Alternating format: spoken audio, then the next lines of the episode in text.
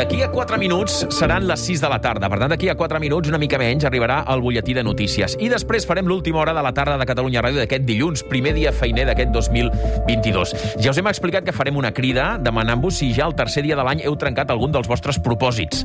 Voldrem eh, les vostres eh, eh, experiències al 932017474 o bé a través d'una nota de veu, de veu al 607 07 0901. Ja he vist que els de la Teca ja volten per aquí, després del butlletí també els saludarem, i també parlarem d'una història molt desconeguda i que ara se n'ha fet un llibre per tal d'explicar-la. Us sona d'alguna cosa si us parlo dels golluts? Es tracta d'un col·lectiu de nans que vivia marginat a la vall de Ribes, al Ripollès. Saludem el Joaquim Roquer. Joaquim, bona tarda. Hola, bona tarda. El Joaquim és coautor d'un llibre, juntament amb el Miquel Sitjà. El llibre es diu Els misteris dels golluts o nans de Ribes. I, a més a més, és director del Festival de Cinema Terra Gollut. Eh, diries que és una història molt poc coneguda, fora de la Vall de Ribes, o fins i tot dins mateix de la Vall de Ribes?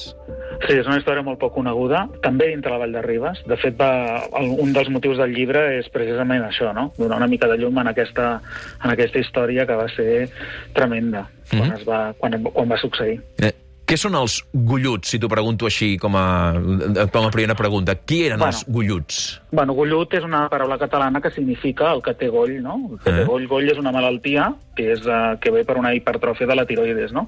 I llavors ja és una, diguem, una papada gran, no? Mm. Però, diguem, dintre del context dels golluts, de Ribes, de la Vall de Ribes, també se'ls també se'ls diu els nans, els nans de Ribes, perquè molts dels golluts que hi havia a la vall, que a finals del segle XIX, eh, diguem, es va documentar que n'hi havia uns 200 més de 200 en el nucli de Ribes, doncs molts d'ells eren nans, tenien una estatura molt baixa, no? I això els feia, pues, eh, diguem, com uns personatges, no?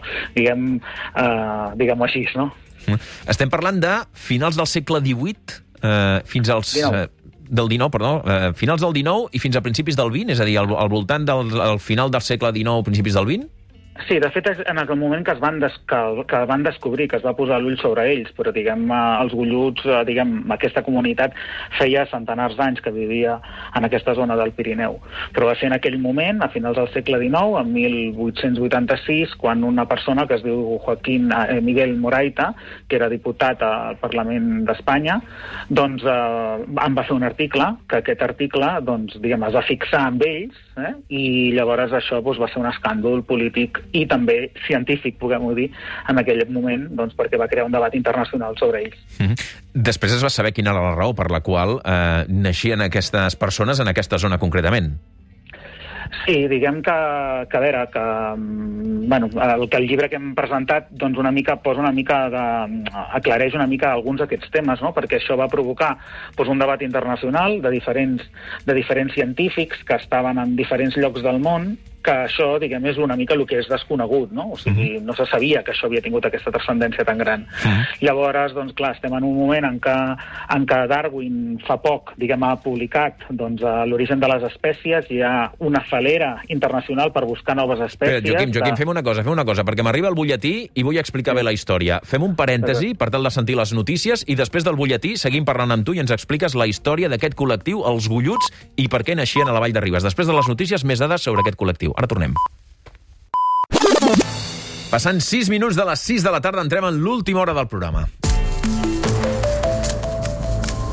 I estàvem parlant amb el Joaquim Roquer, coautor, juntament amb el Miquel Sitjà, del llibre Els misteris dels golluts o nans de Ribes. Bé, jo estic dient golluts, però, Joaquim, no sé si haig de dir golluts, golluts, golluts... Go golluts, amo. Golluts. Eh, recordem, un col·lectiu de nans que vivia marginat a la vall de Ribes, al Ripollès, com a mínim al tombant del segle XIX i segle XX, una gent que es distingien per ser molt baixets, sobretot perquè alguns tenien un bony enorme sota el coll, el goll, d'aquí el, seu, el seu nom, eh, una història que hem dit que era molt desconeguda a Catalunya i fins i tot també a la Vall de Ribes, i ens estaves explicant per què el tombant del segle XIX i segle XX de sobte va provocar gairebé una discussió científica a nivell mundial. Doncs sí, eh, us explicava això doncs, perquè realment era una cosa que, que la pròpia gent de la Vall de Ribes, diguem, és com si no s'hagués adonat no? que hi eren, no? Eh, però clar, penseu que quan abans, abans de l'informatiu he dit, bueno, hi ha uns 200 a Ribes Poble, penseu que Ribes en aquell moment tenia una població de 1.700 persones, per tant, molta gent, per tant, va ser molt gran. El que va passar, doncs, que això és el mateix estiueig, el mateix estiueig, diguem, persones que venen fora i tenen uns altres ulls, una altra mirada, van veure que hi havia una part de la població que era diferent. Aquesta mateixa, aquesta mateixa denúncia, perquè diguem, la persona que va fer aquest, aquesta denúncia era un polític, no? diguem, va, va fer un article, que aquest article es va publicar en un diari de tirada estatal, i llavors això va provocar el contrari, no? un, un negacionisme per part de, de, les, de, de, les, de la gent de la zona. Pensem que en aquell moment eh, tota la zona del Ripollès i del Pirineu eh, començava a sorgir un turisme, diguem, turisme de salut, un turisme diguem, que intentava treure persones doncs, eh, per les aigües, per altres coses, i clar, doncs es van trobar que, clar, que si venien eh, aquesta gent i veien, entre cometes, aquests fenòmenos, tal com els anomenaven, o estranys, o fenòmens de la natura, doncs, eh, doncs no era bo, van negar-ho i els van disgregar, alguns doncs, bueno, mm, es diu que es van matar i els van, els van treure del lloc on vivien, on feia centenars d'anys. No? Sí. Llavors, doncs, bueno, al cap d'uns anys, doncs, a 1915, en la zona on, on, hi, on, on, on es va localitzar Moraita, no hi eren, i bueno, no, on hi havia pocs, i bueno, diguem, eh, però l'efecte, diguem, de, eh, internacional ja es havia donat, i llavors tots aquests antropòlegs que estaven buscant eh, nans, buscant espècies noves, van venir, alguns d'ells a la Vall de Ribes, al Ripollès, per comprovar si el que havia dit Morait era veritat, i llavors, diguem, el que hem fet amb aquest llibre, que diguem que és impulsat pel, pel Festival Terragollut, però diguem, amb els autors, que som doncs, jo mateix i el Fitjà, doncs el que hem aportat és aquests documents nous que que van escriure aquestes persones en els quals els documentaven i els van fer fotografies que per primera vegada tenim fotografies, diguem, verídiques del que eren els golluts. Mm. Eh, hi ha alguna raó mèdica, científica, de per què en aquesta zona, a la Vall de Ribes, eh, naixia aquesta gent amb aquestes malformacions i amb aquesta malaltia de l'ananisme? Bueno, la discussió científica que hi havia doncs, era per al tema de la raça, per al tema de, la, de les aigües, no? Mm. perquè diguem, hi ha, a la vall, en aquesta zona hi ha aigües amb, molt, amb molta concentració d'arsènic, deien que podria ser això, una altra cosa que es deia que era el tema de, de, de l'endogàmia, no? que es reproduïen a les taillades i persones malaltes doncs, que tinguessin eh, fills amb altres persones malaltes, i això podria dir doncs, que podien, podia allargar-se això, no? però diguem, el principal, el que és segur, segur, és la manca de ioda. O sigui, la mhm. manca de ioda a l'alimentació. Vol dir doncs, que persones que estan a, a, a quilòmetres del mar molt allunyades en aquella època és habitual que hi hagi fenòmens de goll en molts llocs, no només al Pirineu, sinó als Alps, a d'altres zones, no? A tant les Urdes, a llocs del, de, de la Barra, n'hi havia casos de golls eh, el joc és un dels únics elements químics que necessitem els humans per menjar, que ens ve ens ve del mar, que no ens ve de la terra. Llavors, doncs, eh, amb condicions eh, diguem, eh, socioeconòmiques difícils i amb d'aïllament, doncs és habitual que el goll es desenvolupi, no? que, que es desenvolupi en aquell moment. No? Ara, això és una malaltia quasi completament erradicada. No? I el que està clar és que el goll era provocat per això, en bona part. Una altra cosa és, que la discussió científica és si aquesta raça de nans primitius, i dic així entre cometes, eh, perquè mm. són els termes que es feien servir, ara en aquest moment no faríem servir aquests termes per referir-nos a ells, a aquest grup social de persones, eh, era si duien el gol incorporat o no. no? Aquesta és una mica la, mm. la, diguem, la discussió que tenien, perquè inclús va haver un congrés de, uh, a Brussel·les uh, de metges que, en el qual van debatre sobre el tema. Avui dia encara és una història molt desconeguda. A Catalunya segur, però a la Vall de Ribes també. Això per què? Perquè s'ha volgut amagar? Perquè la gent no ha volgut assumir que potser algun avantpassat seu formava part d'aquesta aquest, comunitat? Perquè la gent ha volgut eh, apartar-los? Perquè els van disgregar? Per què és tan desconegut? Bueno, jo crec que has dit moltes de les raons, no? La primera cosa, penso que és que, a veure, el Pirineu té, és una societat, bueno, la ciutat pirinenca és una ciutat, diguem que in, bueno, això passa en molts pobles, en molts llocs, no? que s'intenta amagar el que no agrada, no? això per una banda. Llavors, eh, eh, jo, per exemple, tinc 48 anys i per mi els golluts, quan jo era petit, per mi era una llegenda. O sigui, era algo que, no, que, no, que, que era una invenció, no? Mm -hmm. um, um, o sigui, la raó és que aquesta història es va saltar dos o tres generacions i no se'n parlaven, no? Uh, si tu actualment ara pues vas a parlar amb gent de, de la vall i els dius, home, no, tu eh, has vingut parents golluts? La gent, si els té, no ho dirà.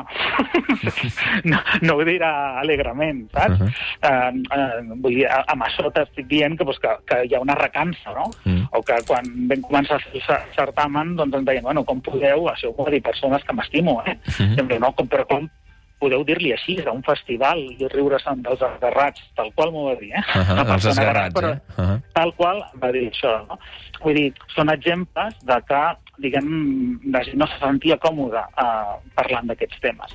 Però també creiem que, de fet, per això eh, doncs, realitzem el Terra Revolution Festival, que és un festival de cinema social, que treballem en col·lectius vulnerables i fem arribar aquests, diguem, a la tolerància, a la diversitat de cultures a través del cinema, precisament per això el fem, no? Mm. perquè, perquè creiem que, que s'ha de lluitar contra aquests estigmes. Mm.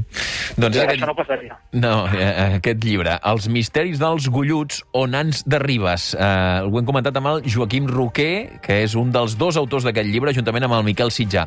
Aquesta comunitat que vivia a la vall de Ribes durant molts anys, com a mínim fins a principis del segle XX, per què van desaparèixer, per cert? Perquè després, durant, a partir del segle XX, pràcticament no n'hi no ha de casos. Bueno, diguem que, a veure, que també des de, amb el llibre, en la documentació que portem, doncs es descobreix que no només estaven a la Vall de Riba, sinó a altres llocs del Ripollès, no? a altres uh -huh. poblacions, que són, algunes de les fotos són de, de gent d'aquests altres llocs. No? Uh, creiem, bueno, també una de les teories que diuen és que no només és que eren un grup de persones que tots eren nans, sinó que en una família en podia aparèixer un de nan. Uh -huh. no? Fan servir la paraula soca una soca de la sang antiga o ancestral, no? fan, fan servir això, no? Eh, creiem que, que, a veure, bàsicament sí que es van disgregar, però, o com a mínim el nucli de població que hi havia, però que, que, a veure, que tot això també s'ha anat solucionant amb, amb l'alimentació i amb, amb el que la gent no estigui tan aïllada.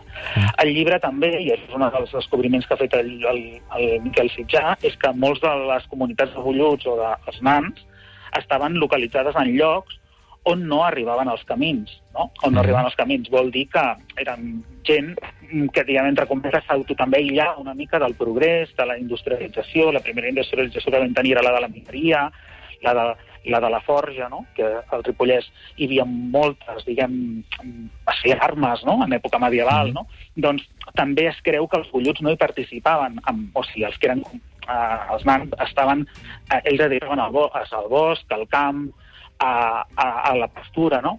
Tot això és una forma de vida que ha canviat, que ja no existeix, no?